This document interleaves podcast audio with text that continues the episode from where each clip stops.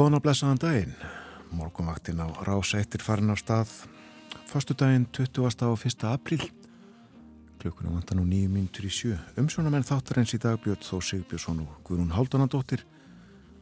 Við fylgjum ykkur til nýju á öðrum degi sumars. Já, gleðilegt sumar. Gleðilegt sumar.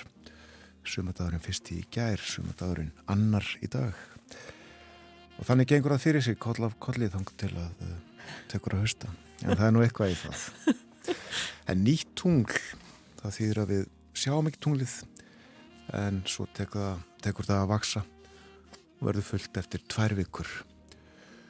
Það var ljómandi veður á landinu öllu í gær eh, semst það er 17 steg að hitti held ég á Östurlandi og eh, viða mjög hlýtt en eh, að kólnaði í nótt og uh, verður kallt sumstaðar næstu daga. Já, sunnanáttin let undan norðanáttin í, í nótt þannig að það er svona veður gæðan með miskipt þennan morgunin. Það bara átt að í hálóftunum og uh, já, uh, nokkuð svo allt hitti um eða jáfnvel rétt undir frostmarki sumstaðar á landinu norðanverðu en hitta tölnar annars lágar það sem að þar sem að hiti er á annað borð. Fimmstega hiti í Reykjavík logn í höfuborginni klukkan 6 og uh, skíjað svipað viður á Kvanneri einni í stikkisvolmi skíjað þar allskíjaðarindar fjóra gráður og 6 metrar austanátt þar. Logn á Patrísfyrði og þryggjastega hiti. En bara einn gráða í Bólingavík og 11 metrar þar norðaustan einstiks frost í litlu ávík snjókoma. Einstiks hitti á Holmavík fjóri metrar þar. Tvær gráður á Blönduósi hitti við frostmark á Söðanisvita þryggjastega hitti á Akureyri allskíjað 6 metrar norðanátt. Einstiks hitti á Húsavík og hitti við frostmark á Rövarhöfn einn gráða á Skeltingstöðum tveggjastega frost á Eilstöðum hiðskýrt 5 gráður á höfn í Hortnafyrði, fjórar á Kvískerjum, logn, fjóra gráður líka á Kirkjubæðaklaustri, 60 hitti á Stórhauða í Vestmannegjum og einstigs frost í Árnesi, uppsveitum Árnesíslu.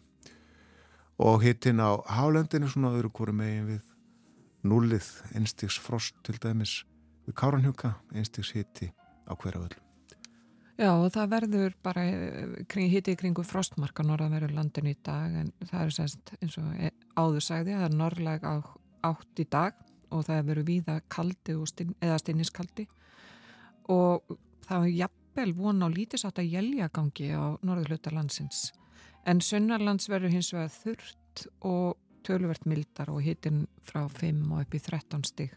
En svo kólnar í kvöld og von á jafnvel stöku skúrun og morgun þá eru áfram norðaustan átt norða, já, norðaustan átt tekur við af norðanáttinni og það verður góleða kaldi. En bjart um landi norðvestanvert annars skýja með köplum og yfirleitt þurft en það gæti ringt á suðvestu luta landsins. Og hítinn verður 1-8 steg á morgun. Og sunnudaginn er það bara svona, já, hægur vindur og bjart veður þannig að en áfram fremur svalt. Þannig að þetta verður bara svona þokkarlegasta viður um helgina. Stafsmenn vegagerðarinnar hafa tekið stöðuna á nokkrum vegum, fjallvegum helst. Það er krapi á bæði stengrimsferðarheiðu og þröskuldum hálkublettir á glettsálsi og dinendisheiði krapi líka á sykluferðarvegi í almenningum hálkublettir á þverjarfjalli þetta eru svona helstu upplýsingar sem að borist hafa. En sem komið er og uh, kannski bætast frekari upplýsingar við um, gæti verið einhver hálka uh, jafnvel krapi á norðausturlandi líka. Við uh, fylgjumst með skeitunum og eigum við þá ekki bara næst að uh, hlusta á dittu, syngja hvaðiðans Jóhannesar úr köllum við, uh, sem að Alger Guðjónsson samti lag við uh, Viki Vaki voruð kemur þetta er frá 1985 á Plutunas Valgirs sem að uh, ber heitið uh, Fuggl-dagsins.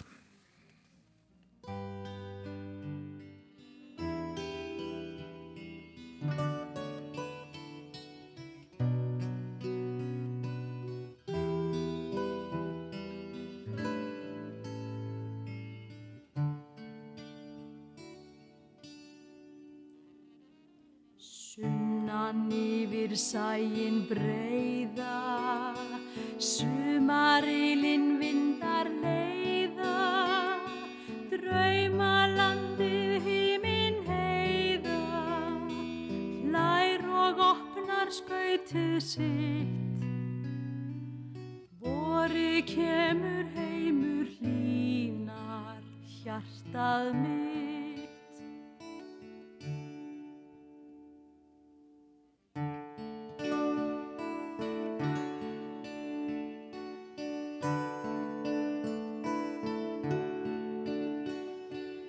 Gakk þú út í græna lundin, gáðu fram á bláu sundin, munda það er stutt hver stundin, stópult jarnestinni þitt.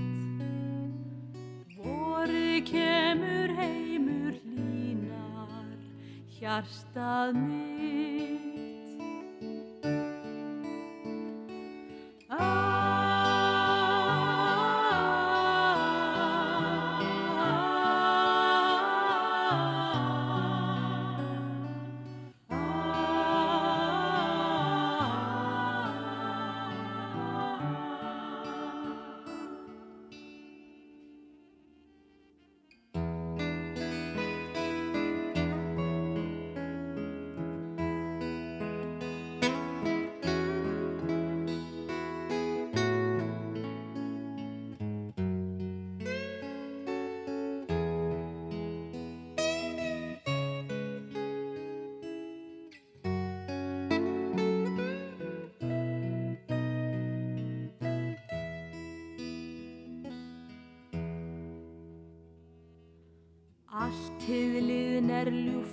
Að geima, láta sig í vöku dreyma, sólskinsdögum síst má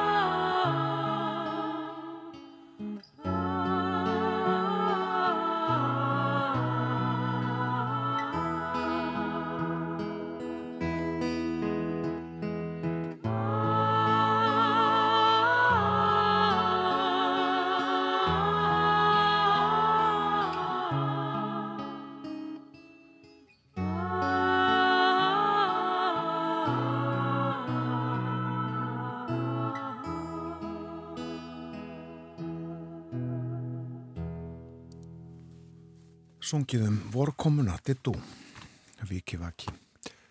Það líður að fréttum þar kom eftir tæpa mínútu. Við förum ítalega yfir dagskrá þáttarins eftir fréttinnar lítum í blöð, innlend, erlend, ný og gömul og hlustum á tónlist.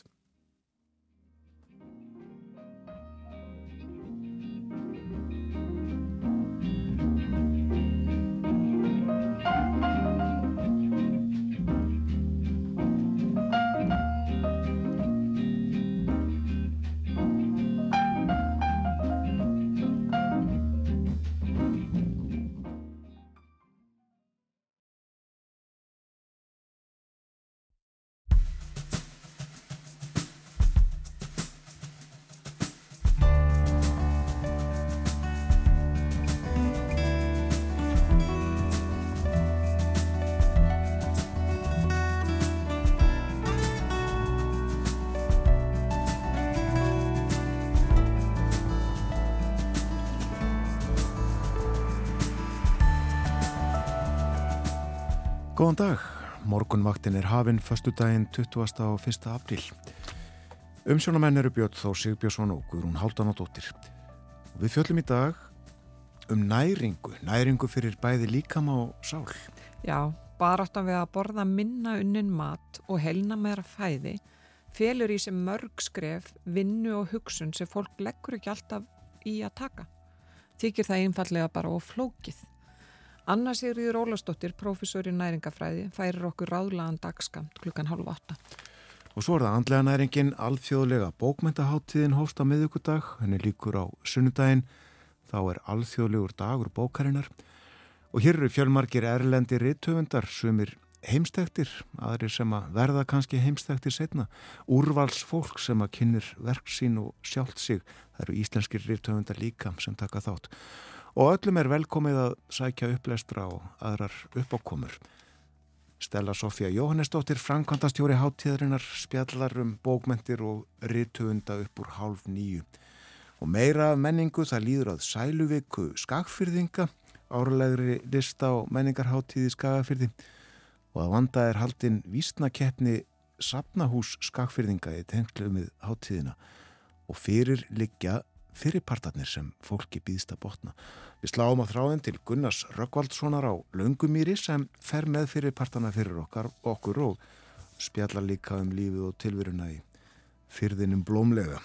En það heldur kolnað í fyrðinum blómlega því að sunnanáttin er ekki lengur til staðar og norrlega áttekjum við og það er víða kald eða stinniskaldi í dag og kólnar talsvert á norðanveru landinu með norðanáttinni og lítir sátt að jél á þeim slóðum í dag og híti kringu frostmark. En sunnalands verður hins vegar yfirleitt þurrt og töluvert mildara og hítin á bylunu 5-13 stig en í kvöld kólnar líka þar og jafnvel vonu ekkurum skúrum. En á morgun er norðustan gólaða kaldi og bjart við erum um landi norðvestavert, annars skýja með köplum og yfirleitt þurrt en suðvestan til eru líkur á dálítilli vætu. Og hitin verður víða 1-8 stigi við daginn en nálagt frostmarki á Östurlandi. Og sunnudag er svo útlýtt verið hægam vind og bjart viður víða um land en stöku skúri við suðuströndina og það verður áfram svona fremur svalti veðri og það er krapi eh, á stöku fjallvögum eh, til dæmis á Steingrinsferðarheiði og einni á Þröskuldum, það er líka krapi á Siglufjörðavegi og hálkublettir á Klettsálsi og Dynendisheiði á Vestfjörðum og einni á Þurrarfjalli Við lítum í blöðin, byrjum á fórstíðu morgublaðsins, nefnum það fyrst að eh, myndin var tekinn í gær þar sem að fólk kom saman og fagnaði sömri og hér má sjá krakka hoppa á Erslabelgi, ég veit nú ekki hvað þessi mynd er tekin hvort er í hafnafyrði það breytir ekki öllu. Kátína þarna. Kátína á Erslabelg segir hér. En uh, minni kátína í aðalfrétt blaðsins á fórsíðu fjallaðum uh, rússa og uh, starfsemi þeirra í höfunum og aðtúanir njúsnir og uh, þessar upplýsingar sem að komu fram í uh, þætti sem að síndur var Norrænu ríkissjónastöðunum fyrir tveimur dögum og sáðum frá fyrardag það sem að uh, segir af uh, gagnasöfnun og uh, eftirliti rúsa með ímsu uh, sem að gefur tilefni til aukins eftirlits. Það er rætt við utanríkisráð þeirra Þórtísi Kolbrúnu Ergilvadóttur og hún segir uppljóstranir norrætna miðla um starfsemi rúsa sína fram á að tilefni sé til aukins eftirlits með landhelgi Íslands. En uh, rúsar eru sæðir hafa sett á fótu umfangsmikla áallun um skemdarverk á orgu innviðum og ljósleiðurum í Norðursjó komið til átaka milli Rúslands og Vestuveldana og uh, Þórti segir eftirlit bandarækjamanna bæði úr lofti og úr hafi hefur verið að aukast. Og við setjum það í samingi við ákvörðun mína að heimila kavbátum að koma hérna upp. Þá eikur það í sjálfur sér eftirlitið en það hafa þeir þar til nú þurft að verja nokkrum dögum í að sigla til Noregs til að komast upp. Af því leiðir að eftirlitið er að aukast og mun aukast. Það er líka rætt við Arnór Sigurjónsson sérfræðingi í varnarmálum, starfaði lengi í utanrækilsráðunetinu, nýlega hættur og uh, skrifaði við það tilöfni mikla bók um uh, öryggis og varnarmál. Hann segir meint áform rúsa um skemdaverk raunverulegt áhyggjuefni fyrir Ísland og hann vonar að uppljóstaranirnar sem að nefndar voru verði vitunda vakning fyrir íslensk stjórnvöld um hver berskjald að Ísland sé í varnamálum. Og svo uh, er þetta hér, Íslenska ríkið uh, ver minni hluta vergrar landsframniðislu í helbriðismál en aðrar Norrlanda þjóður en er aftur á móti og engu að síður uh, um eða yfir meðaltali Norrlanda er varðar árangur og gæði helbriðistjónustu á flestu mælikvörðum. Hér segir líka færri heimilisleiknar eru á hverja þúsund íbúa hér en annar staðar á Norðurlöndum en hjókunarfræðingar eru fleiri hér. Þetta á morgunblæðið. Og ef við færum okkur til útlanda þá er tvent sem er í aðalega á forsíðum breskublaðan í dag og það er, ef við kíkjum á myndirnar þá er það mynd af tilraunaskoti bandaríska geimvísendafélagsins SpaceX í gerð og það er sæs að talja að það bara hafi gengið vel þrátt fyrir að geimflögin hún hafi sprungið. En menn eru bara nokkuð ánæður Já, ég fæ þetta ekki til að gáða Þetta var tilraunaskot og, hérna, og þetta er náttúrulega að stærsta geimflög bara sem hefur verið smíðuð. Þannig að, að það tókst allavega komin á loft og hún hafi ekki, ekki eh, verið mjög lengi á lofti. Nei, bara verið fá sekundur Já, já En svo er það pólitíkin eins og svo oft áður, en breska pólitíkin og það er tekist á um stöðu Dominík Raab, dómsmálráð þeirra og hann er líka varafósettistráð þeirra, Rísi Súnags og hann Raab var einmitt líka varafósetti ráð þeirra þegar Boris Johnson var hann að fósettistráð þeirra og hefur semst lengi, þau eru tölvert lengi í pólitík. En hann Rapp, er sagaður um eh, einelti og af, hluta af starfsfólki hans í dómsmálaráðanitinu og, og það er nú mennum að geta alveg svona sammála eins og alltaf er hvort að hann hafi sagt, broti gegn lögum sem gilda um ráþara sem er segja að hann hafi rauninni, rauninni freka verið bara harður húsbóndi, fólk kom, hafi ekki komist upp með neitt múður en aðri segja að þetta sé bara einfallega einelti. En það var eh, rannsókn hófst á þessu, þessum ásökunum í november og skýslan er tilbúin og þeir sáu skýsluna, fengu skýsluna í gær, bæði fósveitisráðurann, Rísi Súnak og Dominik Rapp og hafa hins vegar ekkert upplýst aðra um hvað stendur í skýslunni og eins og Rapp, hann var búin að segja það og hefur sagt það lengi, ef að ég verð fundið segur um einelti þá mun ég segja að mér, en hann hefur ekki enn sagt af sér, þannig að það er svona ymsar vangaveltur í gangi um hvort að hann hafi einfallega ekki verið talin brotlegur. En þetta mun væntalega skýrast í dag, menn áttu nú, eða fólk áttu vona því að þetta myndi komið ljós í gær, en svo var ekki. Og í danska blæðinu Politíkan er á forsíðinu verið að fjalla um breytingar á matvörumarkaði. En þar er sagt, co-op keðjan sem við höfum nú fjallað um hérna í, þegar við verum fjallað um dönskmálefni, Borþór Argrímsson hefur sagt okkur frá co-op. En það er sagt, hugmyndir hjá þeim um að auka í og undir keðjun er þeim hluta keðjuna sem heitir Co-op 365 diskant. Það eru svona lágvöru verðsmatur verslanir og fjölga þeim en að fækka hínubúðanu sem að heita fakta. Þeim verður bara held í einfallega að loka. Og í politíkan er verið að fjallum maturumarkaðin, það er sérsagt ótrúlega margar maturuverslanir á hvern íbúa í Danmörku. Mm. Svona með að við önnu lönda þá mætti halda að Danir væri 15 miljónir, segir í frittinni.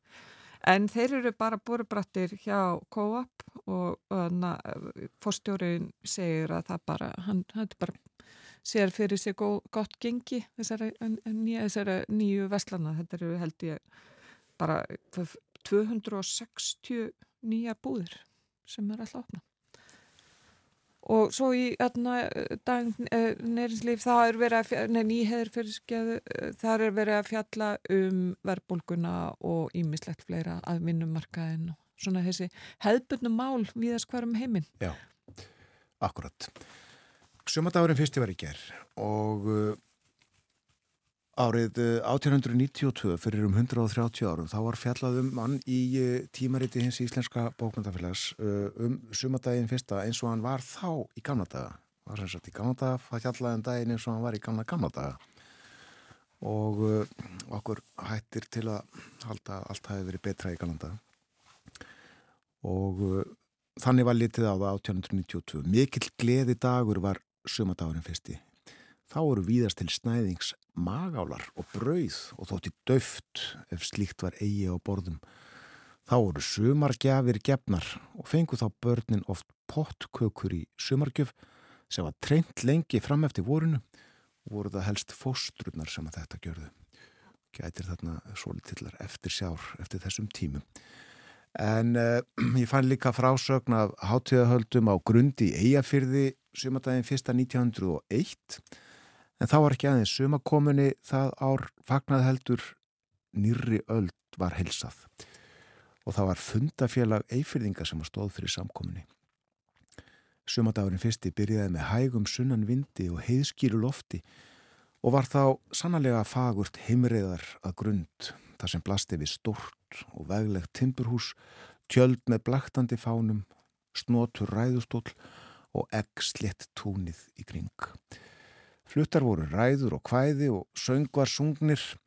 Meðal ræðumanna var þjóðskáldið Mattías Jokkumsson sem myndist aldamótana, ímist í bundnu eða óbundnu máli, var svo ræða að vanda fulla fjöri og andríki. Þá helt Klemens Jónsson síslumadur snjallaræðu fyrir minni eigafjörðar, fór hann hlýjum orðum um héradið og íbúa þess og kvatti til framfara og menningar á nýju öldinni. Taldi hann víst að þessi sveit ætti mikla framtíð fyrir höndum.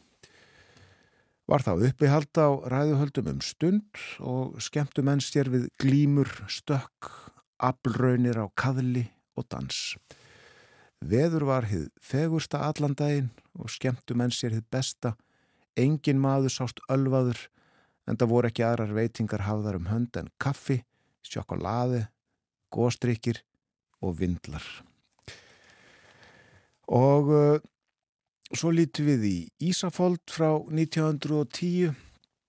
Veturinn er að kveðja í dag eftir tímarekningnum, kvítjörð og er það í samræmi við það sem á undan hefur gengið óvenju mikill snjóavetur og harðenda hefur hann verið þessi vetur og er því lít saknað af flestum og áframsaði Ísafald 1910 sumadagurinn fyrst er á morgun fyrrum var hann hátíðistagur mesti með oss Íslendingum. Þá voru gjafir gefnar fólki fekk að kvílast hann daginn og var margt gert til gamans. En nú er eitthvað annað uppi á tenningnum menn muna varðlega eftir þessum degi að minnstakosti hér í Reykjavík. Engin hátíðabragur á neinu. Það er illa farið. Þetta var 1910 en 13 árum síðar 1923 fyrir 100 árum þá hafði sumadagurinn fyrsti fengið annað nafn að bera ásamt sumadagsheitinu nefnilega barnadagurinn. Og það heiti var svo nota næstu ára og kannski ára tíu en, en lagðist sínist mér af að mestu. En 1923 saði í morgunblæðinu eins og að undanförnu verður sumadagurinn fyrsti hér í bæ þar að segja Reykjavík helgaður starfseminni fyrir börnin. Og svo lítur út fyrir að það sem hann býður standi ekki að baki því sem áður hefur verið á bóðstólnum á barnadaginn er skemmti skráin hinn fjölbreytasta og gyrnilegasta. Má með sanni segja að bæjabúum hafi ekki verið bóðin öllu fjölbreytari skemmtanir. En það er ekki aðalatrið heldur hitt að menn skilji til hvers verður að vinna með þessu og leggji fúsir sinn skerf fram með því að sækja þessa skemmtanir. Með því er hver og einn að leggja stein í byggingu framtíðarinnar því börnin eru framtíðin. Og dagskráin þessi glæsilega og gyrnilega, hvernig var hún? Jú, börnin áttu að mæta í barnaskólagarðin klukkan hálf tvö, lúðraflokkurinn spila með skrúðgöngu barna niður og östuvöll, frú Lauvei Vilhjálmsdóttir talar, Svo að dagskrá í nýja bíói klukkan þrjú, hljóðfarasláttur, profesor S. Svembjusson og Tóraring Guðmundsson, erindi Kantþeól Ásker Áskersson, setna fósetti, söngur, söngflokkur stúdenda og aftur var dagskrá í yðnó klukkan 5, hljóðfarasláttur, leikfimi undir stjórn herra Vaff S. leikfimi kennara, barnadans stjórnað af ungfrú Ástu Norman, þrýr sólódansar, Sigriður Hjalmarsdóttir 12 ára fer með uh, kveðskap. Gleðilegt sumar Ljóðleikur G. Guðmundssonar stjórnaða frú Guðrúnu Indriðadóttur og svo var kvöldagskrá í Góðtemplarahúsinu hófsklukkan 8 frú E. Vóge einsöngur upplestur ný gamansaga ung frú Svanhildur Þorstensdóttir og skáldkonan Ólína Andrisdóttir segir sannar dullrænar sögur Þetta er engin smá dasgrá. Fyrir hundrað árum er ekki Já, En uh, allt var þetta fyrir börnin gert. ef hún hlusta á eitt lag. Hlustum á uh, lag og uh, hér er Dessað.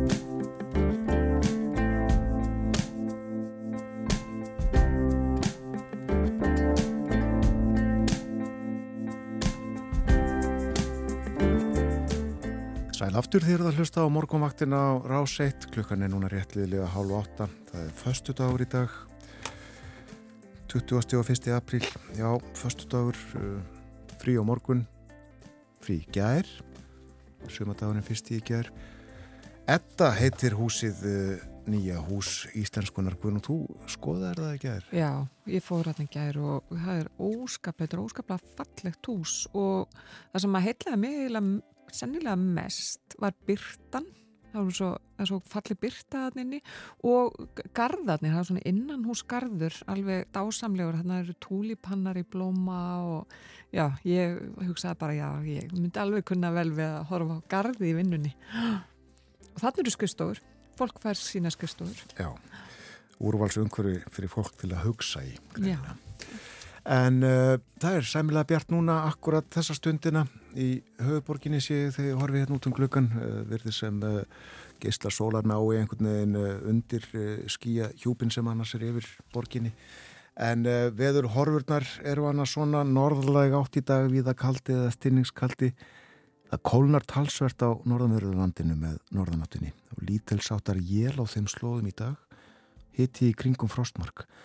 En Sunnarlands verður yfirleitt þurft og tölvert mildara, hitti á bylunu 5-13 stík, en uh, kólnar einnig á uh, Sunnarverðurlandinu í kvöld og uh, það með stöku skúrum.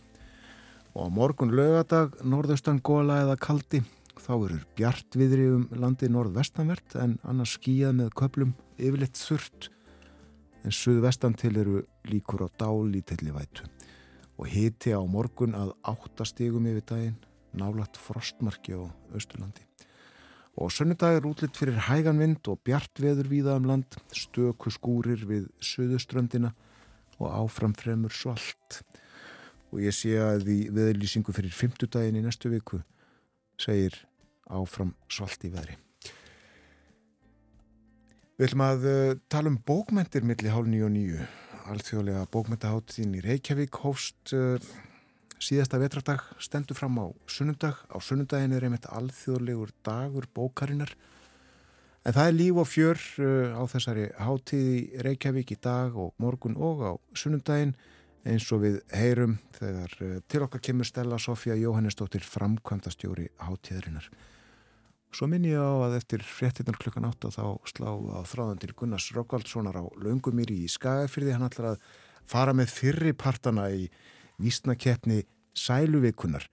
Vísnakeppni sem að Sapnahús Skagfyrðinga stendur að í tengslu við Sæluveikunar sem að hefst senn.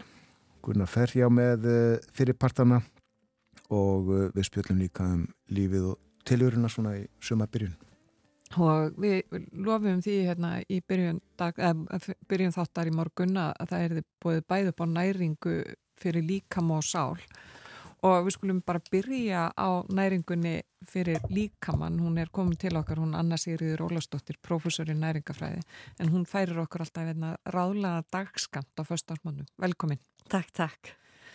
Þú eh, ert búin að vera að skoða ímislegt í tengslum við eh, unnin matvæli eins og stundum áður. En mm. þá hvað, sagt, hvað er í þessum matvælum? Það er, tvimis, ef við erum með mjölkuveru þá er oft búið að bæta einhverju í, ekki satt?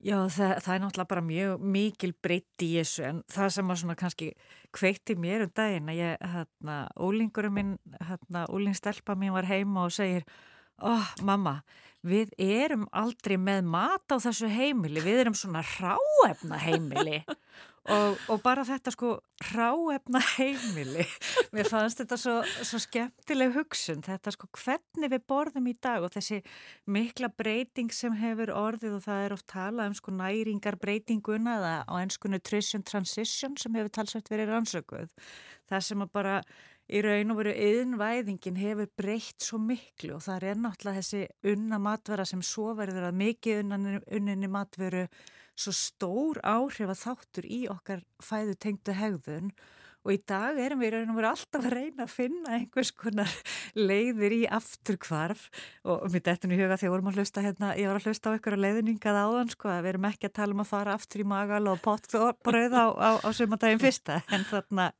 en, en sko það er svolítið þetta fara og nattveðinguna aftur tilbaka í í, í, í lokal og, og, og nær umhverfis neyslu og því tengt líka sko nær umhverfis framleiðslu hvort sem það er einhver annar sem framleiði fyrir þig eða ef þú horfir á því sjálfan. Og þarna og, og í þessu svona breyta samfélagi við erum alltaf með þetta svona að gengur mikið maturinn hjá okkur út á kvikfix þetta sé hratt, þetta sé einfalt og getum við gert það þegar við erum komin með ráðnaheimili er það bara gerlegt Getur við það? Eh, það er svona það sem ég ætla okkur að velta upp í dagsóldið og þetta sko að við erum svo mikið að borða hugsunalöst og það sem gerist þá eru þetta þetta að að þú veist við tyggjum minna sem er slemt fyrir okkur sem við höfum talað um hér áður eh, við borðum meira af því að við bara einfallega gleipum í okkur það vantar trefjarnar, það vantar eh, svo margt og við sjáum svo sterka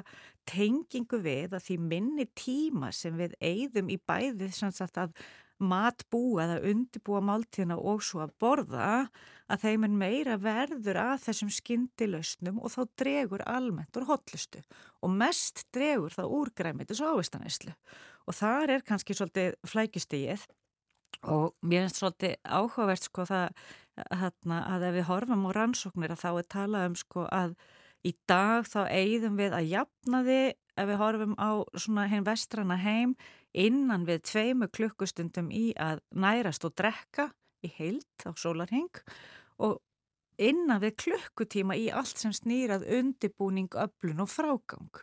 Og þá má velta fyrir sér að þessi klukkutími fyrir kannski mest í að fara þá í að sækja sér mat en ekki það að, að vera að handleikan.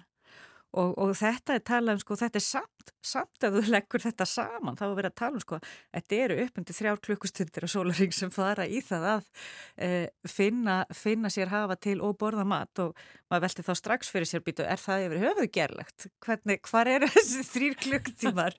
Því að við erum alltaf einhvern veginn, þetta, þetta kappi klukkuna er svo ótrúlega mikið vandamál og það er verið að tala um sko, þetta er, þetta er svona um það byrj 45-50 minúna stytting frá því ef við horfum aftur til svona 1970 sem er áður en að þessi svona mikli hraði verður uh, áður en að mikið tilbúinu matvörðnar koma til sögunar.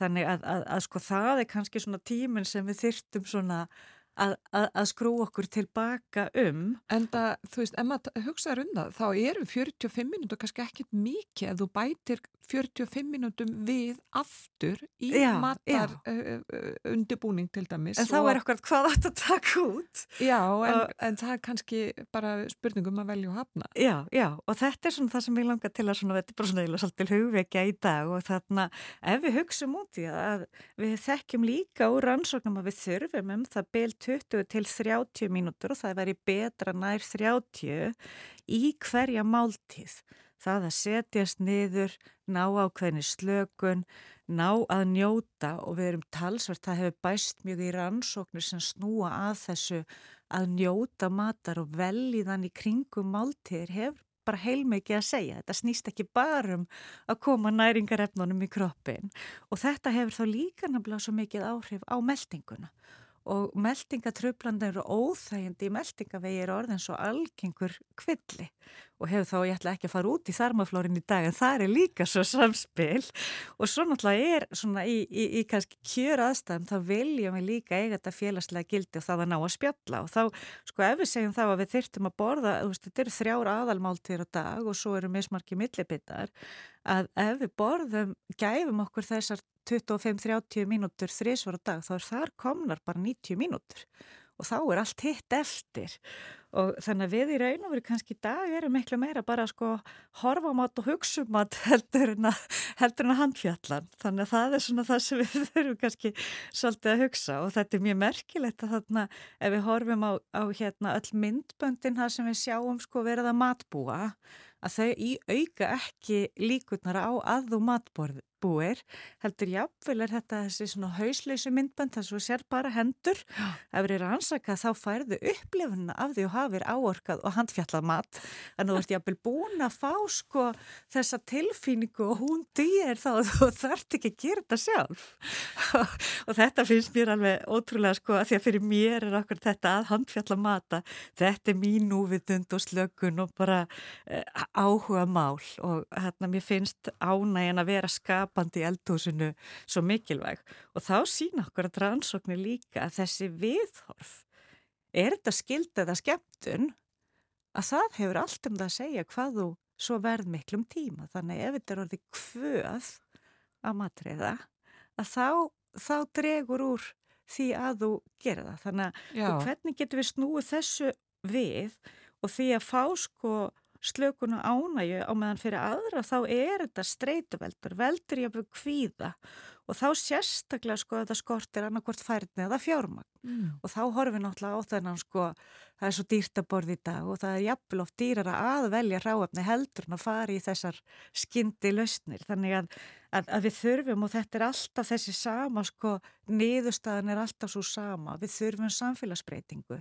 Ég get komið fullt af hugmyndum fyrir þessum einstakling en það dögar bara vistlánt og það er ekki vist að þau, þau ráð sko gagnist þeim sem eru þá uh, aðfinna fyrir streytunni, upplifa kvíða, finnst þetta kvöð að hvernig ætla ég að breyta því viðhorfi til þess að þetta verði svo að einhverju sem að, sem að breyti svo okkar svona kannski samfélagslegu hegðun. Já, það er nefnilega þannig að, að, að það er rauninu ódýrar að kaupa bara um eitt unnar matvörur Já. heldur en að vera að kaupa ferst ráefni og sagt, kannski það sem er um eitt jafnvel ræktað á Íslandi eða Já, hvernig sem það er. Já, og þannig að þú veist, það er einlega og við erum ofta að horfa þá veist þetta og við höfum ekki efni á gæðunum og þetta er mikil tókstreita þegar ég er að vinna með fólki að það er sko að ég get komið fullt af hugmyndum að það að þær verða framkvæmt er ansi langur vegur. Og, og við tölum alltaf sko bara ok, við horfum á uppskriftir, matreislu og annað og að þá sko þá þurfum við líka að hugsa um þegar við erum komin í góður ráefnin að þetta sé samt rætt og einfalt, fá ráefni, hafa nógu einfaldar leiðbenningar eh, og að ískápurinn þegar heimi komið til dæmi sé aðlandi að þú setjir upp aðstæðar sem búa til að upplöfunin sé að þetta sé kvikviks. Já. Að við fáum í raun og verið þetta tækifæri til þess að vera með matarheimili en ekki ráafnaheimili þegar heim er komið. En það kallar á undibúning, það kallar á skipulag og þetta eru svona ef við horfum á stóru orðin í svona næringarbreytingum að þá er það sko þetta tími og skipulag. Þetta eru stóru orðin sem við þurfum bara að setja í forgrunn og vinna með og þetta þá setjum hann líka inn í þetta sko að til dæmis búa sér í hægin, elda meir í einu og þá eldi einu komin inn á sko það sem ég ætlaði líka að tala um í dag það er þá að ef þú býr til mikið einu þá ertu kannski að hugsa um það að þú þarfst að borða afganga eða borða eitthvað sem er búið að búa til Já. og þar eru margi bara fastir að það er ekkit verið að borða það sem er komið inn í ískápin eða búið að matriða að það er ekki jafn spennandi. Já, það enda bara í ruslafötunni. Já, eða svona þannig að, að, að sko hvernig, hvernig, hvernig mætum við þessu tvennu? Það er, það er eiginlega þannig að þarna þarf líka hugafagsbreytingu og þarna er viðhorf mjög, mjög breytilegt. Og við erum til dæmis mörg först í, í, í síðasta söludegi eða e, best fyrir e, merkingum og hugsum ekkert lengra, erum ekki að nota eh, skinnfærin til þess að ákveða hvort að matvaran er góð en það að ekki. og ég, það, sko, ég veit ekki hvað ég hef fengið mörg svona símtöluða skilabóð það sem er er mér óhægt að borða þetta þegar fólk allar að taka sig á með þetta.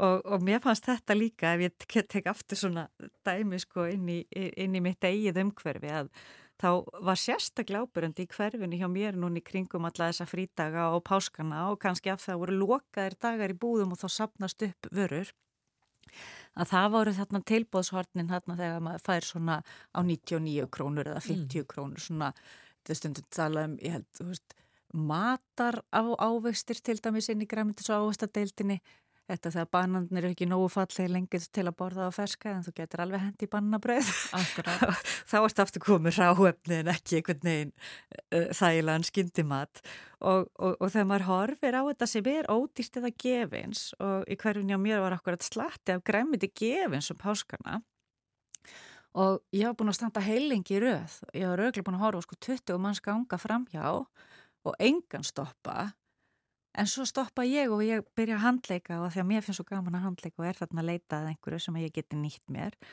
Og þá var ég alltaf komið svona hóp í kringum mig sem var líka ákvað að skoða þetta, fyrst einhver væri að skoða. Já, og þau, það er alltaf þessi hjarðhægðun svolítið líka þarna. Og, og, og þarna en, en ef við horfum á, á sko rannsóknir í tengslan við þetta þá finnst sömum svona óþægilegt ef að ef það er bara búið að merkja matverðina og sé hugsanlega ekki lengur góð Þarna var bara, ég fekk fest salat, ég fekk góðan avokado meiri segja, eh, fekk paprikur og brokkoli sem var aðeins fara að sjá en að því ég skellti ég bara í opn að þá var ég komið bara fullt af hérna góðum paprikum fyrir næstu daga, þess að komið byrði þanniglega og þarna en, en það er svo þekkt þetta að, að við í raun og veru sko erum búin að bú okkur undir að við gætum fylst viðbjóði. Jafnveg þó við séum ekki að kafa hann einhvern ruslagám að sækja afgangana heldur séu þeir standi fyrir framann okkur og okkur til bóða og ég sjálfu sér í bara aðlæðandi umhverfi vestlunarinnar. En er þetta kannski líka ótti við það að þú ert komin heim með þetta og ert byrjað að matbúa fyrir fjölskylduna kannski eða vini og eftir ekki og óttin við vonbreðin að kannski van, varan standi ekki undir væntingum? Já, það getur vel verið og þetta er svona að það takið ég ekki þannig að það er bara tekin sveigur framhjá. Og, og, og, þarna, og við veitum það náttúrulega að, að svona sko líkamlegt viðbrað okkar er akkurat að, að þarna ef við lendum nú í að fá eitthvað sem er vondið ánýtt þá, þarna, þá vaknar þessi svona flögurleika óþægjenda tilfinning og, þarna, og það gerist við sko lykt, útlitt og bragð sem er einmitt það sem er í raun og verið ætt að vera okkar leið til ákverða hvort að maturinn sjónýtur. Þannig að við erum, erum að velja okkur að sveia fram hjá þessum hugsanlegu ó, óvæntu óþægjendum sem við gætum átt í væntum. Og þetta, ég segi oft þegar ég er að kenna tengt þessu sko munin á súr mjölk og súr mjölk það er tölveru munur það er talsveru munur og bara sko, tilfinningi sem þú færð við hvort orðið um sig segja er svolítið. Þannig að, að, þarna, að þetta sko þarna hafa verið notaði frasar eins og notaði nefið að við, þetta þurfum við bara að þjálfa upp til þetta vekk ekki með okkur óþægindi En ég bóði í mata sem allt er úr tilbóðsvondinu og ég þarf eiginlega að passa mig að segja það ekki fyrir neftir á. Þá þessi ferskast á besta salat og þá, þá er það þessi sko hugarfarið, hausin okkur er alveg ótrúlegt tæki í þessu samheng. En það er líka þannig að ég meira, meiri segja sko alls konar krydd Það, það er sagt fyrst á síðasti söludagur og eitthvað þannig. Já, salt sem rennir Já, út. Já, akkurat, ég menna að þú nota kannski bara aðeins meira af því en þú veist, kryttið er alveg gott og gilt bara Já, og mjög mikið af mat sem er með svona best fyrir dagsetningum sem eiga engan veginn við og, og er í raun og verið svona ákveðin örgis þarna að það séu enþá hæstu gæði en kannski aðeins breytt bræð en, en ég sé þetta meira og meira umbúðum í dag að það standi reynlega eh, þarna mjólkin getur verið góð lengur held ég stendur núna hérna Já. upp á flipanum þar sem dagsetningin er e, sámerkingu á eh, erlendum safa um daginn þar sem stóð okkur að notaði nefið þannig að, að, að þetta er svona og, og það hafa verið gerðar herrferðir þar sem er lögð áherslu á að draga úr sóun og vitundavakning í flestum þeim rannsóknum sem sérstaklega hefur verið mikið gert á Norðurlöndunum eins og í Damörku að þá erum að sjá alltaf sko fjórðungi minna af matarsóun ef við fáum þessa kvartningu. Þannig að þarna þurfum við bara að, að, að vinna svolítið með viðhorfið okkar. Það hefur meira samt verið gert sko með eins og svona ugly foods, eh, veit ekki hvort þú séð þá, það var svona herrferði kringum að, að það þurfti ekki vera staðlaðar gúrkur, heldur að það mætti vera kruppaðar og alls konar í læginu og þá er allt einu búið að búa til eitthvað skemmt skemmtilegt, eitthvað jákvægt og þá breytist kauphægðunin líka. Þannig að eitt er kauphægðunin en svo er þetta þá bara aftur tilbaka í afgangana sko. Hvernig ratar þetta út úr skápnum það heimi komið og það að ég ætla að vera hagstæð í engköpum og grípa þetta sem er komið á síðasta snúning, það kallar auðvitað á það að ég þarf svo að vera skipulögð þegar ég er komin heim og nýta það. Akkurat. Annars er ekki ávinningu fyrir neitt. Akkurat. Og svo náttúrulega má ekki gleyma því að bara einmitt að að setja mat þá bara ég að bli frískápa sem er hægt að finna út. Já, frískápanir eru mjög, mjög skemmtileg hugmynd og þarna, ég vil kannski áður en ég yfirgefi þetta efni að þarna auðvita sko við þurfum að varast suman mat og ferskvara er viðkvæmust og þá sérstaklega kannski sko kjött, fiskur, kjúklingur og sumar mjölkuvörur Þannig að það er vondlikt, ef það er mikla, ef það er breytt áferð eða litur og þetta er aftur eins og ég sagði likt, útlitt og bragð, mm. þetta eru skinnfærin sem við eigum að nota til að bregðast við og þar þurfum við bara einfalla að vera meðvitið að það þarf að henda sömu mat út af verfuru vexti og sérstaklega þá að fara vel, varlega til dæmis á meðgöngu hjá eldri aldurshópum, sjúklingum eða þeim sem hafa veikt ónæmiskerfi.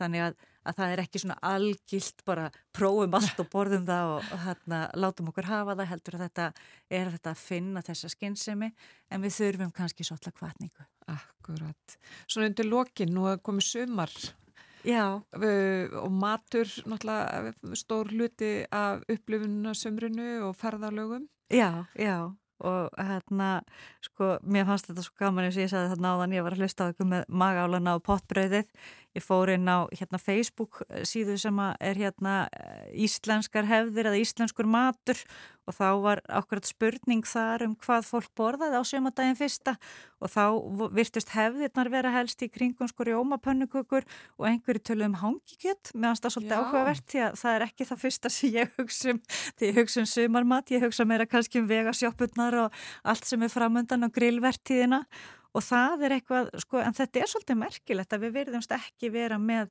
þessa svona hérna sérstöku hefðir í kringum eh, kringum sumadaginn fyrsta eins og með alla aðra hátíðisdaga með mat en hefur greinlega verið meira hér til, til forna. Já.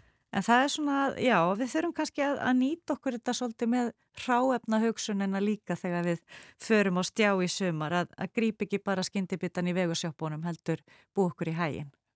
Það er gott veganesti inn í sumarið. Anna Sýriður Ólastóttir, professori næringafræði, takk fyrir ráðlagan dagskamt í dag. Takk, takk.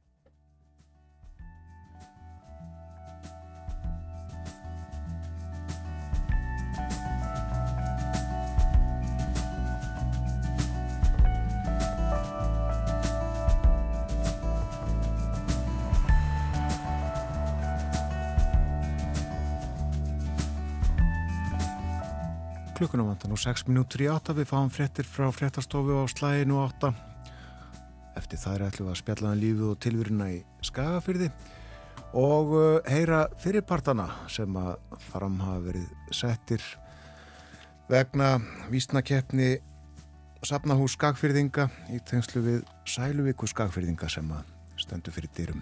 Við uh, heyrum í Gunnari Rákaldsinni á Laungumýri Og svo er það alþjóðlega bókmyndaháttíðin í Reykjavík við fjöllum um hana milli hálf nýju og nýju.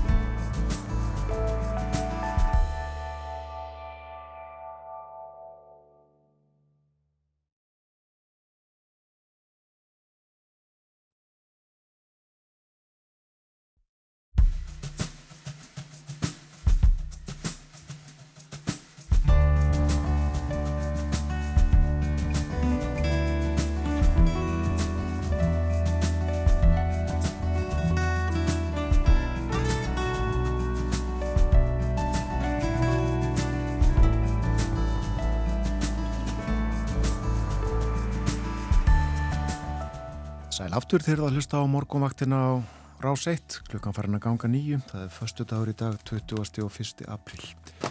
Anna Sigriður Ólastóttir, professor í næringafræði var hjá okkur hér áðan.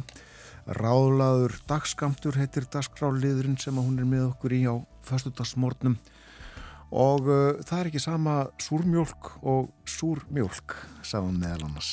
Heldur betur ekki.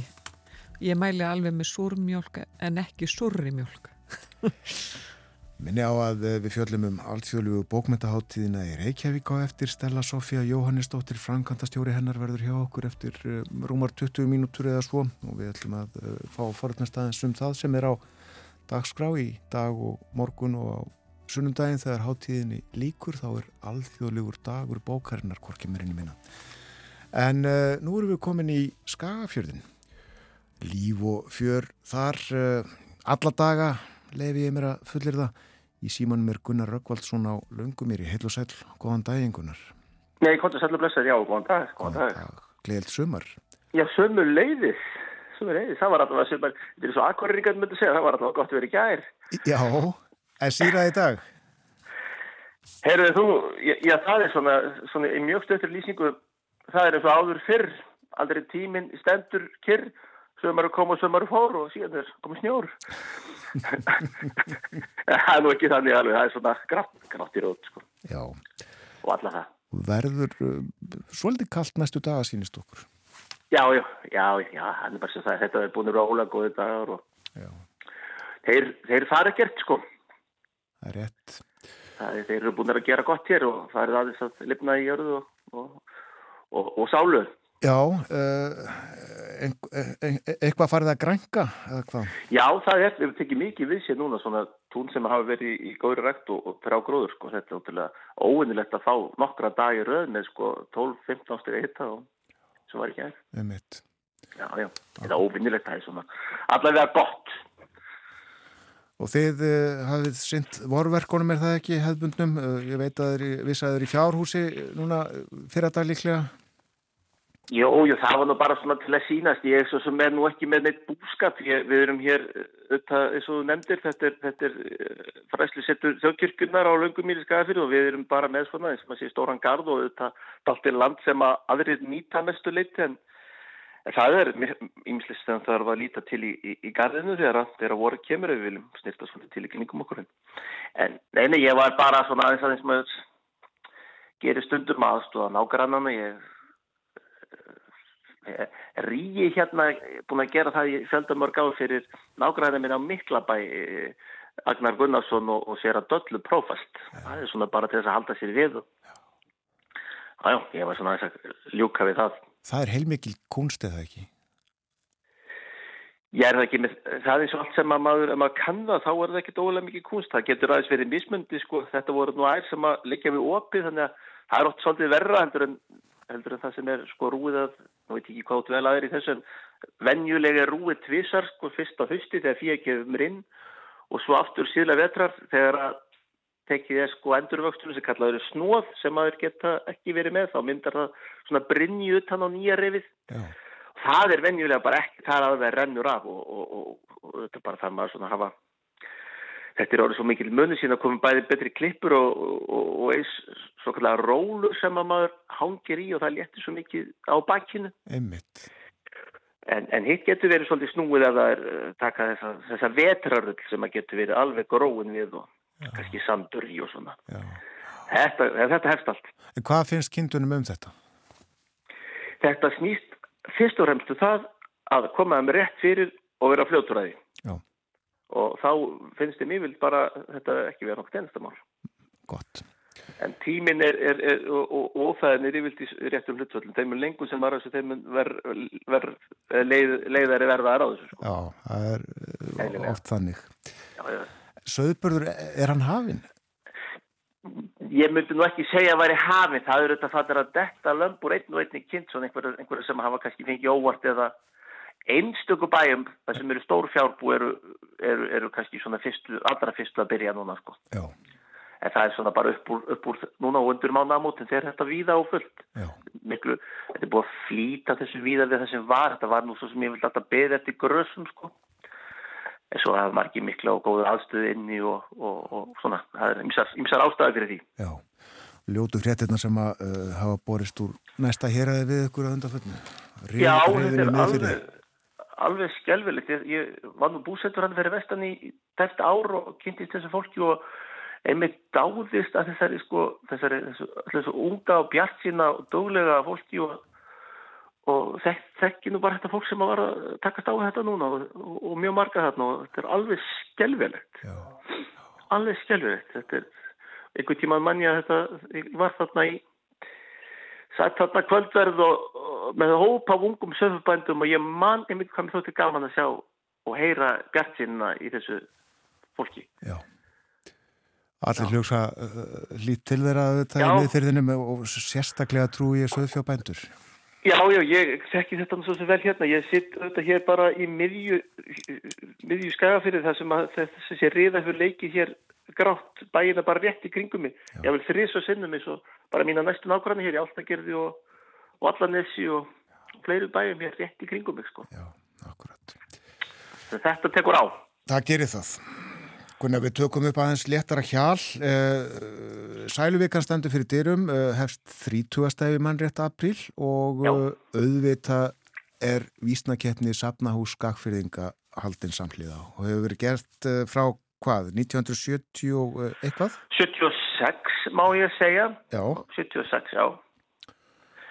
Og þetta er svona, já þetta er svona bara gert með það fyrir augum aðeins að fá menn til þess að setjast niður og, og, og senda, eitthvað, senda eitthvað inn. Þetta hefur verið svip, svipuð snýða alltaf tíða. Það eru fyrir Sæluvík og eru sendir út fyrirpartar sem að fólk á að spreita sig á að botna og, og hérna og eins kannski yrkja um einhvert ákveðið efni þannig að þetta eru það, er engin að gera allt það nóg að senda inn einn, svar við einum fyrirparti eða botna eitt fyrirparti eða bara senda inn inn, inn í vísuna og þetta senda menn inn undir dunnefni þannig að þegar að fara er yfir vísurnar af, af domnemnd eða innsendar vísur þá, þá veit ekki hverju þar á bakvið fyrir, fyrir búið að rafa Einmitt. Þá getur mann létt af, af leindinni Og er alltaf sæmilið þáttaka? Já, það hefur nú verið svona þokkalega góð þáttaka ég get nú ekki alveg kannski svari fyrir að hann hafi ekki heldur farið Eh, niður á við en, en hún er alltaf verið ágætt og, og ég held að sé ekkert í hlutfalli við það að yrkingar sé eitthvað mingandu bara svona einhvern veginn kannski stendur misjaflega vel á sko. Já. Fólk já, nennir, nennir ekki að senda bref lengur? Já, það eru fáinni sem gera það sko. Þannig að það er mögulega á líka þetta inn á tölvupóst en, en nei, ég vorkin alltaf þeim sem hafa aldrei fengið handskrifu bref sko. Opna umslag? opna umslag sko. En það, það eru þess að þetta hafa vennilega verið fjórir fyrirpartar sem að aðeins mistýrir og svo, svo einhvern efni og langar til að heyra hvernig þetta átt að vera núna eða á að vera núna. Endilega. Þetta er nú ekki verið að þetta er aldrei neitt sérstaklega frumleik í þessu það er oft er verið að yrkja um auðvitað vorkomuna þessa, þessa gleði og svona þessa tilfinninga sem að Sæluvíkan hefur nú kallað fram og, og svo, svo, svo annað, annað efni. Þannig að núna eru þeir fjórir og sá fyrsti er svona. Ástar glóðin illjar mér, örar blóðið rennur. Það er auðvitað verið að vitna í, í svona gamlu Sæluvíku stemminguna, bölinn og, og, og það sko. Mm -hmm. Svo er svona aðeins sömarkoman Sólinn bjarma landi ljær, ljós og varma glæðir. Þessar, þessi tveir fyrirpart eru svona heldur dýraði með innrými og, og svona aðeins gera gröfu til mann ef þeir vilja vanda sig. Já. Svo kemur hefbundin vorvísa, voru sálu vekur íl, vetur hopa tekur, nákvæmlega eins og við vorum að vonast til sig gær. Og svo einn svona einn ein svona um, um, út í vistina. Lettist brúnin lausið þref legg af stað til fjalla. Já. Þetta eru fyrirpartanir en svo var, eh, var nú eiginlega fannst okkur ástæða til þess að menn myndi spreita sig um að yrkja um þessa tíðu sólalandaferðir Íslendika og, og hérna og svona skoðun áskil sælabankastjóra á þessu. Það, þetta var ekki hægt að leggja það í, í fjórar línur. Það er ljómandi efni. Já, ég held það bara. Það hefur verið. Tenni tærnar, já. Akkurat. Þannig að... Það verður gaman að sjá hvað, hvað best við förum yfir þetta þegar þetta likur allt saman fyrir í mæ. Já, já, og við munum byrta þetta líka í, í, í feiki og þetta verður aðfendt eins og segjum þarna.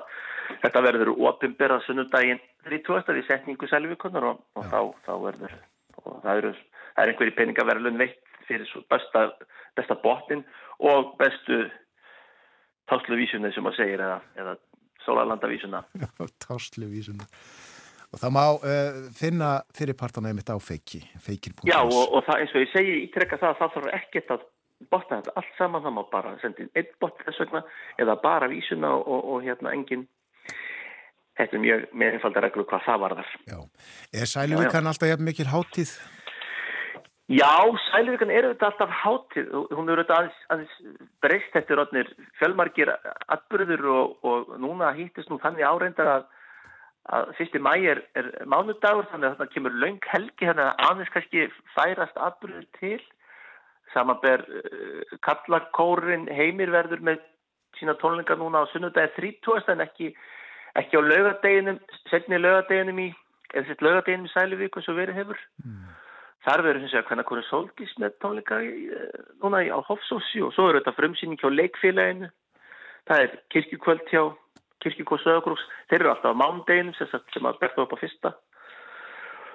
Málverkarsýning sem að svona frístundamálar vatna í gútt og, og, og það, það er eins og ég segi leiksýningar, tónleikar einhver, einhver böll og svo er þetta að fara að tegja sér í helgin og undan. Það verður tónleikar hér gáttir í tónleikar núna á fymtudagin og svo verður það hestasýning á tekið til kostana núna komandi helgi og, og reyðsýning í kólanema sem sett ekki núna um helgin heldur mánu aðmóta helgina 28. og 9. En það sem hefur breyst eru þessi böll, það eru ekki þessi böll uh, eins og voru, eins og, og, og fóræðra mínisöðu frá öll kvöld sæluvíkuna sem að þá kannski var ekki alveg, alveg heil vika en, en svo kannski fimm dagar og bara böll öll kvöld. Nú er, nú er kannski einhver, einhver veiting á svopin en það er ekki svona dundrandi dansleiki með, eins og ég segi, bara með gerbundi sko, eða, eða, eða einhverju hljómsveitur. Sko. Veistu hvers vegna þau, þau hafa lagst af? Ég gerir mig ekki alveg greið fyrir hvort þetta er bara færst inn á þessi verðshús eða alltaf þetta sé ekki eitthvað með frambúð eftirspöld en ég mér finnst þetta svona pínu miður því að þetta var, þetta var alltaf svona alltaf hlut til þess að fara á, á sælurökubal sko Já. og mér finnst þetta nú bara full ástæði til þess að einhver, einhver blæsi já já, heldi slægi, slægi, slægi, slægi, slægi færa slá taktinn og og bara byrja á þessu aftur sko Og er þess að ekki lengur dansað í miðgarði? Ég hef ekki orðið, get, ég tekka fram að Sælivíku dagskráin er ekki komin, þannig að ég sé nú ekki segja nefn meira en veit, en ég hef ekki hirt það að ég var að bæla miðgarði, það getur svo vel verið að ég verið það núna. Mm. Þetta var þá til breyting þegar það var tekið fyrir sko þessi 16 ára böl, þá, þá þetta fór þá til hópur 16 til 18 ára, en þarna var fullónu fólki líka, einhver síður sko. Þannig að þetta er nú svona bara hortir búskapakti grunlega sko. Já, já. En þú fóst í miðgarði Kanada, er það ekki með bokku í buksnarstrengnum? Já, sko, ég, ég er orðin það gammalt, sko, það var ekki eins og með ríkja á krókin þegar ég fór að fara fyrst á böllin, sko, þá var þetta allt panta frá syklufyrði, sko. Þannig að þetta var alltaf fyriröfn og, og þetta svolítið lengra fyrir okkur að fara, ég, ég bjóð nú á Ístabænum í, þetta þarf uppalinn hrein og skaga, þannig að þetta var nú drútt að fara, en, en hugurum bara bara mann hálfa leið og, og svo var nú bara kert af gungi sko. Já. þannig að þetta var ekkert mál. Nei, nei, nei, nei við fórum þetta já, ég var fært á veturnar, þá var það sjálfsög farið á sæluvíkun, en það, það var svo ekki alltaf þannig. Það var ekki alltaf þó að væri náttúrulega reynd að móka yfir, yfir heiðina lagsóttarseðina fyrir þetta hljómar eins og aftan og grári fórneski en svona var þetta nú bara samt Já Já, það var ófært undir loka april og, og byrjun mæ. Það gæti alveg verið það, það gæti alveg verið það. Ef, ef menn voru hefnir og voru kostningar um voru, þá var kannski móka stemma og, og leitt út fyrir veður, en, en það var, það var ekkert alveg tryggt. Það var, ef ég manni rétt, þá áttu refsbúa bara rétt á einum mókstri, einu fyrir jól og öðrum eftir jól. Og það var auðvitað verið að reyna að treyna hann það að það myndi nýtast. Þannig er þetta ekki ófært aftur, sko. Þetta er sem betur við breyst. Þetta hefur breyst, nú, nú er sko líkur þverjafallsvegur þetta halva liðin eða hluta liðin og hann er mokkaður mokkaður náttúrulega fyrir en degi sko þannig að þetta, já, já, allt breyst búið að byggja upp vegi og betri bílar og, og, og aldrei snjór, það hefur náttúrulega verið einstaklega góði vittur hér í vittur. Já, akkurat. En það var að við hálku á þverjafjalli í morgun. Já, já, já, það er já, það getur verið einhverju smakabla. Já. Akkurat, en líf og fjör á sæluvíku um allan skafur, það má segja það ekki, það er, það er eitthvað svo að segja allstaðar. Jú, og, og, og svo hef ég öruglega verið að gleyma einhverju, því að það, er fólk er mjög döglegt að, að, að vera með ímsa við, þetta er svona uppskjöru hátíð vetrænsk, kórar og hópar, söngkópar hafa verið, að, hafa verið að, að æfa og nú eru tónleikar það voru tónleikar hér í gæð hjá kammerkórnum og, og vorvindum sem er söngkópur og, og, og þetta er uppskjöru tíminn sko og Sælvika náttúrulega nýtur þess með, með sínu leikritum og öðru og svo kemur mikið að burtfluttum skanfyringum Og svo er náttúrulega körfuboltinn, það er tindastóllir á fullri ferð og það smittar af sér inn í sæluvíkuna væntalega. Já. Það gekk vel í gær. Það gekk vel í gær. Mm. Þannig að þetta er allt saman, allt saman jákvæmt og eins og, og Dutti sem skorðugíli sagði, menn eiga nefnilega bara að hafa vitt að það verið góðu skapi og þá er þetta allt gott. Það stendur á legsteinum hans í kirkjugarðinu í Glömbæ. Það var vitulega mælt. Já menn ef að hafa vit á því að vera í góðu skapi hann hafi nefnilega það þannig stundu verið eitthvað nú að því um nasir að við skaffinningar séum mótnir getur svo sem vel verið en dutti hafi þá skýring á því að við værum lífsglaðir fremur heldur mótnir og ég veit miklu frekka að kaupa þá skýringu Já. það hefur byrst í, í sælivíkunni sem er búið að halda síðan 1874 um einhverjum hætti og síðan að við fengum stjórnarskrána aðfenda Herðu, uh, ef að hafa fyrir partana yfir aftur? Erum við skulle gera það. Ástarglóðin illjar mér örar blóðið rennur. Það er það fyrsta. Sólinn bjarma landi ljær, ljós og varma glæðir. Svo kemur svona höfmyndin. Vor í sálu vekur ill, vetur hopa tekur. Og á alveg endingu léttist brúnin laus við þref leggja stað til fjalla. Já. Rétt aðeins að, að, að uh, þessum numur tvö með innrýminu, bjarma og varma, það þarf þá að vera svona innrýmir það ekki í botninum? Jú, jú, það, það, það er svona, svona æskilegra sko. Já. Og þeir fara nú létt með það að þau sem eru, eru nú annar borð, ég held að flest allir sem að senda inn í svona hafi nú þann metna til að bera og kunnátt að þeir, þeir fara nú ekki að láta það frá sér án þess að hafa þetta fullt gert sko. Akkurat. Já, en, en hvað er það? Það, það er allt tekið til skoðunar. Við förum yfir þetta þegar, þegar úrslitt líka fyrir. Eru er það gaman, sannverlega gaman. Gaman að heyri þér í dagunar. Sumulegis. Takk að þér kellaði fyrir spjallið og njóttu dagsins. Já, kæra þakki, takk fyrir þetta spjallið. Sumulegis, blessaður. Gunnar Rákvaldsson. Á laungum mér í Skagafyrði.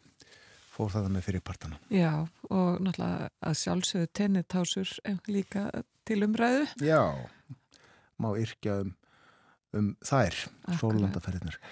Langar að geta þessi í framhaldið að þessu spjalli að uh, nú um helgina fer fram landsbót hvæðamanna og það er haldið á kvamstanga þessu sinni, hefst í dag, stendur fram Já. á sunnudag.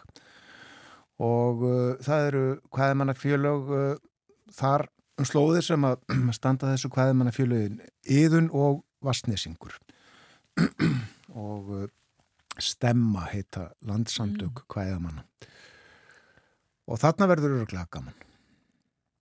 Ég veist ekki um það. Nei, ég held að það sé alveg örugt en uh, það verður líka gaman hjá okkur á eftir. Við viljum að tala um bókmentir uh, eh, alþjóðlega bókmentaháttíðinni Reykjavík hófst á miðgudagin og uh, stendur fram á sunnudag. Og hér eftir smástund verður framkvæmtastjóri háttíðarinnar hjá okkur Stella Sofja Jóhannesdóttir. Við viljum að tala um bækur, um bókmentir rittöfunda og lesendur. Já, ég fór einmitt í Norræna húsið í gerð og það var bara múr og markmenni komist færri að en vildu að hlýða á, á réttöfunda spjalla.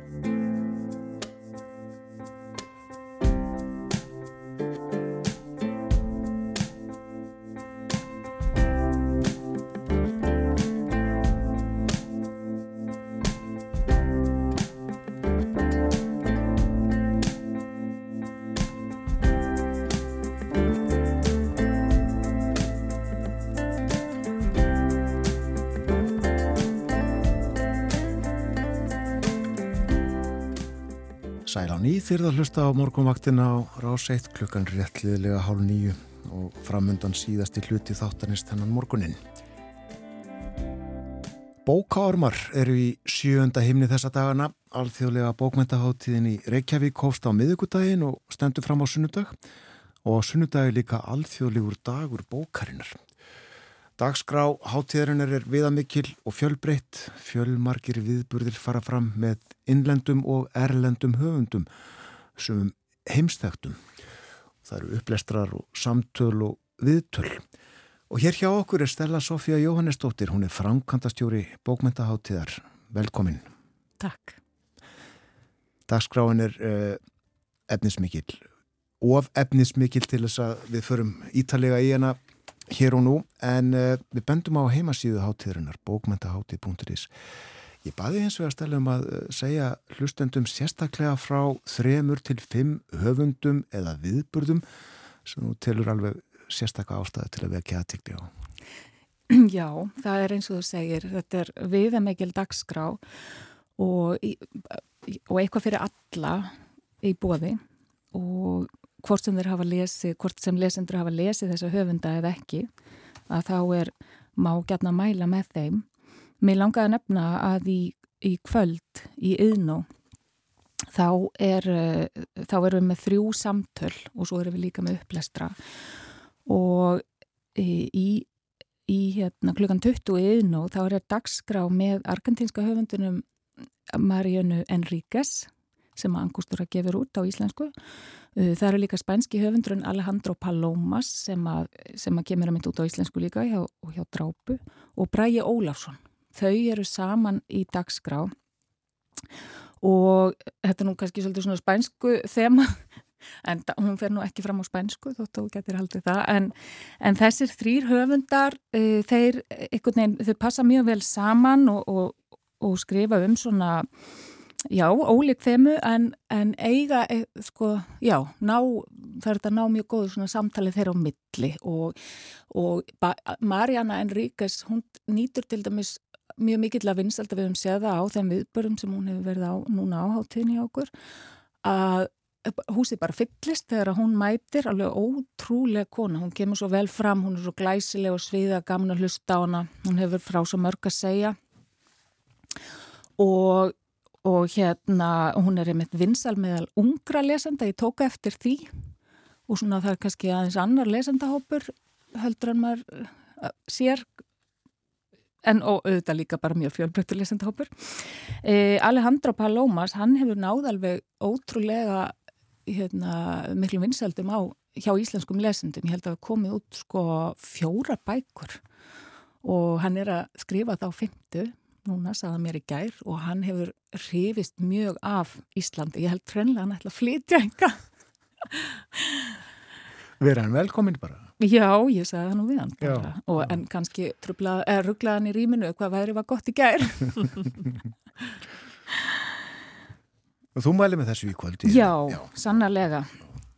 Og þar beint á eftir er líka mjög skemmtilegt og áhugavert samtal Þar er skoski höfundurinn Gianni Colgan sem er, við höfum kallað hana drottningu ljúflestrar bókana og sem mér finnst að vera mikið réttnefni því að þetta er svona bækur sem við sökkum okkur onni þegar við viljum, já, bara njóta einhverjar aftreyingar og, og slökka aðeins á fréttonum um stund og lesum eitthvað svona hugulegt og, og ljúft. Já.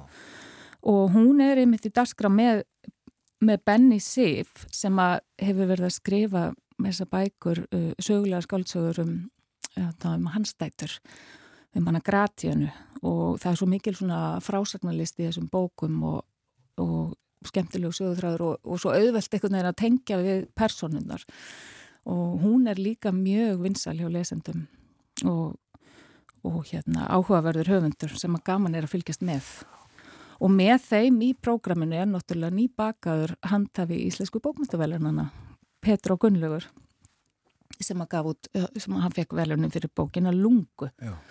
Og, og þar erum við með það sama svona leiftrandi frásagnagleði og þessi bók höfðar til mjög breyðshóps lesenda. Þannig að þetta eru til dæmis svona tveir panelar sem að er hérna auðvelt að mæla með. Og er, eru hugmyndarinn þá að uh, tala um verkin sín, uh, óskrifuð verk, hugmyndir, samfélagið, hvað? Já, bara allt melli heimins og jarðar og það er svo skemmtilegt, umræðan getur farið bara víða og, og þau, stundum hafa þau kynnt sér bækur hvers annars. Það er líka alltaf skemmtilegu vingill, e, þau lesa upp, stutta kabla, eitthvað sem tengist umræðunum, ofta eru það bara mjög fyndið eins og gengur. Það er lett stemning á þessu Já, viðbjörn. það er það. Og einmitt það er bara, fólk kemur út með brós og vör. Mm. En auðvitað eru stundum samtölinn þingri en önnur og, og, og það er líka allt í lagi því að hér er náttúrulega verið að tala um stóru málinn, sko. Emitt. Uh, já, nú svo er alveg dagskrá uh, á morgun, hún bara stendur nú allan daginn. Við erum með, uh, svona, við erum með ráðstefnu um réttendasölu og, og stöðu hérna á þýðingum alþjóðlega rástefnu því við erum með svo marga erlenda útgefundur sem brenna fyrir þýðingum sem eru hinga komnir til þess að kynna sér íslenskan bókamarkað. Þannig að það verður rástefna um þetta málefni í fyrramáli í Norrannásunu og hún er að sjálfsögðu öllum opinn um, og það þarf ekki að skrá sér sérstaklega á hana. Og síðan tekur bara við alveg bara ótrúlega skemmtileg og fjölbreytt dagskrá með sko þá er þetta að sjá Colson Whitehead í viðtali einan, hann ætlar að tala við hann, hann Einar Falur og svo er samtal við norska höfundin Jan Grúe og hann að Efu Marsinek og þar er við með þema sko uh, inngilding og, og hérna rótfesta sagt, hvernig, að því að Jan Grúe hann er sérst norskur höfundur sem að skrifaði uh, hann skrifaði bók sem að varð þekkt við þeim heim og hefur meðlans komið út á íslensku. Bókin heitir Ég lifi lífi Já, hvað heitir hún aftur? Ég lifi Ah, lífi við, ég... eins og þínu, já, mann ég ekki nákvæmlega hvað hann heitir, en hann er semst haldin sjúkdómi sem þýðir að hann e, notast við hjólastól. E, og, og hann er, er einu verið að skrifa bara e, eiginlega, hann hérna náttúrulega rekst ofta á veggi í, bara í sínu daglega lífi e, og og við höfum er sér fundið það svolítið þegar við erum að, við bjóðum hann til Íslands og eins og, og hverjum öðrum höfundi og það þarf svona, maður þarf alveg bara að hugsa mörg skref hérna svona fram á við í einu þegar maður er að undirbúa hérna komið höfundar sem að notar hjólastól og, og hérna Þannig að það verður áhugavert bara að heyra þetta samtal því að síðan er Eva Marsinek, hún er hérna pólska uppbrunna þannig að hún kemur svona líka með svona aðra sín á, á samfélagi, hvernig hún hérna aðlagast íslensku samfélagi. Þannig að ég held að þetta verður svona skemmtilegt samtal um inngildingu. Akkurat. Hvernig getum tekið á móti öllum. Og holdt fyrir okkur að heyra í þeim Já, einmitt. Já. Já. Bókin heitir Ég lifi lífi sem líkist ykkar. Nákvæmlega. Kom út í íslenska þýðingu 2021. Akkurat. Steinar Mattíasson. En hér eru sem sagt höfundar uh, eiginlega allstaðar aður heiminum. Það eru höfundar frá sex heimsálfum sem er stórkoslegt og þannig að þetta er svona, já, verulega fjölbreytt. Mér langaði líka að nefna annan viðbörð að því að þetta er, jú, bókmyndahátti í Reykjavík en við erum líka förum út á land, sko, fyrir þá sem ekki eru hérna í Reykjavík þá er hægt að fara á rauðahú, í Rauðahúsi á Eirabakka á afmælishátti Konubókastofu. Mm. Hún er á sunnudagin klukkan 14 og þar verður ástralski höfundurinn Hanna Kent í samtali við Þórinni Valdimarsdóttur, eða þær eru saman í dagskrá og það er náttúrulega er skrifa báðar sögulega skáldsögur og ég held að þetta getur orðið alveg einstaklega skemmtilegu dagskrálegur og mér er líka bara svo gaman einhvern veginn að, geta farið með þessa höfunda út á land og þannig að þeir sjá eitthvað annað og, og, hérna, og það kemur annar áhraundahópur, annar lesendahópur.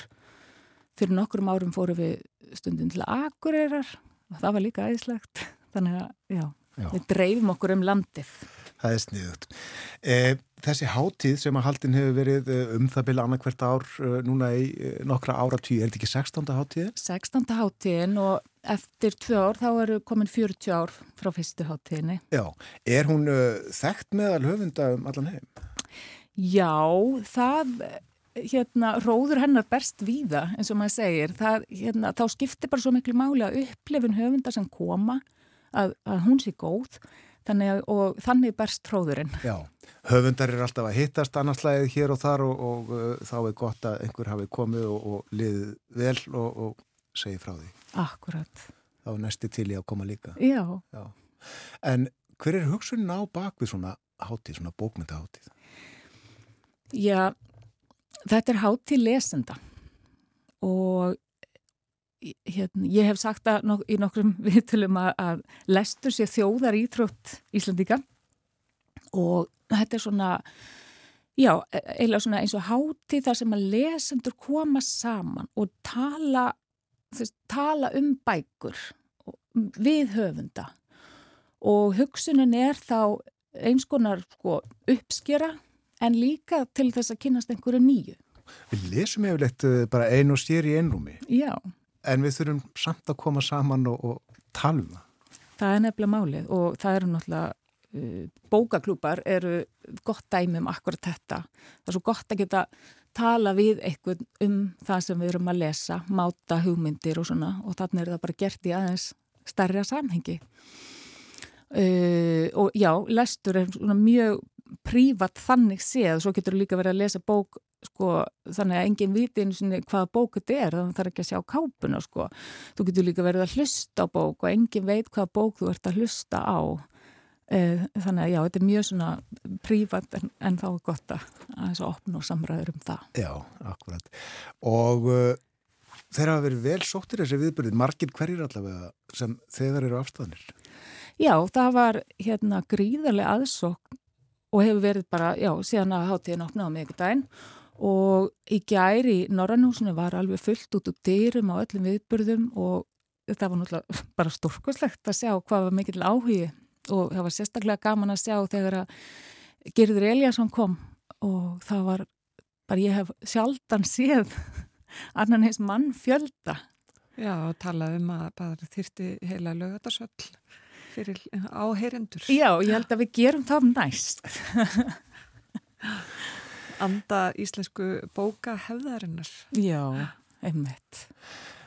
Stæla, aðeins að, að, að því sem þú myndist á áðan, uh, það eru þýðingar á íslenskum bókmyndum og útgáfu í útlöndum. Það er sérstu gráðstefna um þetta á morgun, en sko er, er hann að aukast áhugin út í heimi á íslenskum höfundum?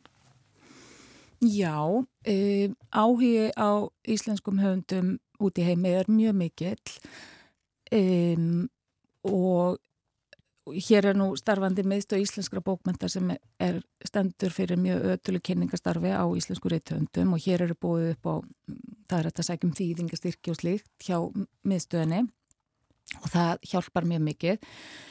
En, en íslenskum útgefndum, nei, erlendum útgefndum, þeim náttúrulega þykir sko, þetta er framandi og spennandi, þetta er eins og með svo margt annað, Ísland er kannski svona í tísku á eitthvað nátt, en, en svo náttúrulega eigum við líka bara svo frábæra höfunda hér að það er nú ekki skrítið á þetta áhugin sem mikið, þetta er svo mm. gott, gott stöf. Og fjölgar útgáðulöndunum og... Já, mm. og svo eigum við líka frábæra þýðendur, það er nú það sem skiptir öllum máli þetta er tungumál sem fáir tala og þá skipta, já, þá eru þýðendur algjört líkilatriði og við eigum alveg sko fjölda þýðenda sem geta þýtt á fjölda tungumála. Og það er einmitt haldin, það er haldið þýðenda þing miðstöðun stendur akkurat fyrir því og sem að hefst núna bara eftir háttíðina Og þetta skiptir höfunda uh, lítur að vera miklu máli að uh, þetta er náttúrulega eigur tekjumöguleikana. Já, við erum á öðrumarkaði hér þannig að tekjur af, af bóksölu verða kannski aldrei sko, það verður kannski engin ríkur á því að selja bækur á Íslandi en um leiður komið með bók út í heim og tala nú ekki um á stóru tungumáli og sem að selst vel að þá er alveg, þá er þetta að verða ríkur. Akkurat. eh, þú myndist á þýðingarnar, þið veitir verðlun á háttíðinni og uh, meðal annars eru, uh, er það ekki þýðingaverðlun? Jú, Það eru veitt, þetta heitir orðstýr, heiðursviðurkenning eh, til þýðenda af íslensku á Erlend mál. Já. Og þetta er í, verður í fymtaskipti sem, sem orðstýr er afhendur. Og svo eru önnur verðlun líka veitt og það eru bara alþjóðleg bókmæntaverðlun, hvorki meirinni minna. Já, þau, við sko, við stopnum til þessara verðluna árið 2019 til þess að halda á lofti nafni Haldur Slagnes uh, alþjóðlega. Og við hérna fyrst voruð þau veitt Ían Makjúan og setna, svo, sérst tveir árum síðar þá var það Elif Sjafak sem hlaut þessi verðlun og síðan ákvaðu við að þessi að alþjóðlega bókmyndavelun Haldur Slagsnes er það alltaf veitt árið sem að bókmyndaháttíðin er ekki. Já. Þannig að til þess að við svona höfum, séum alltaf með eitthvað árlega. Mm.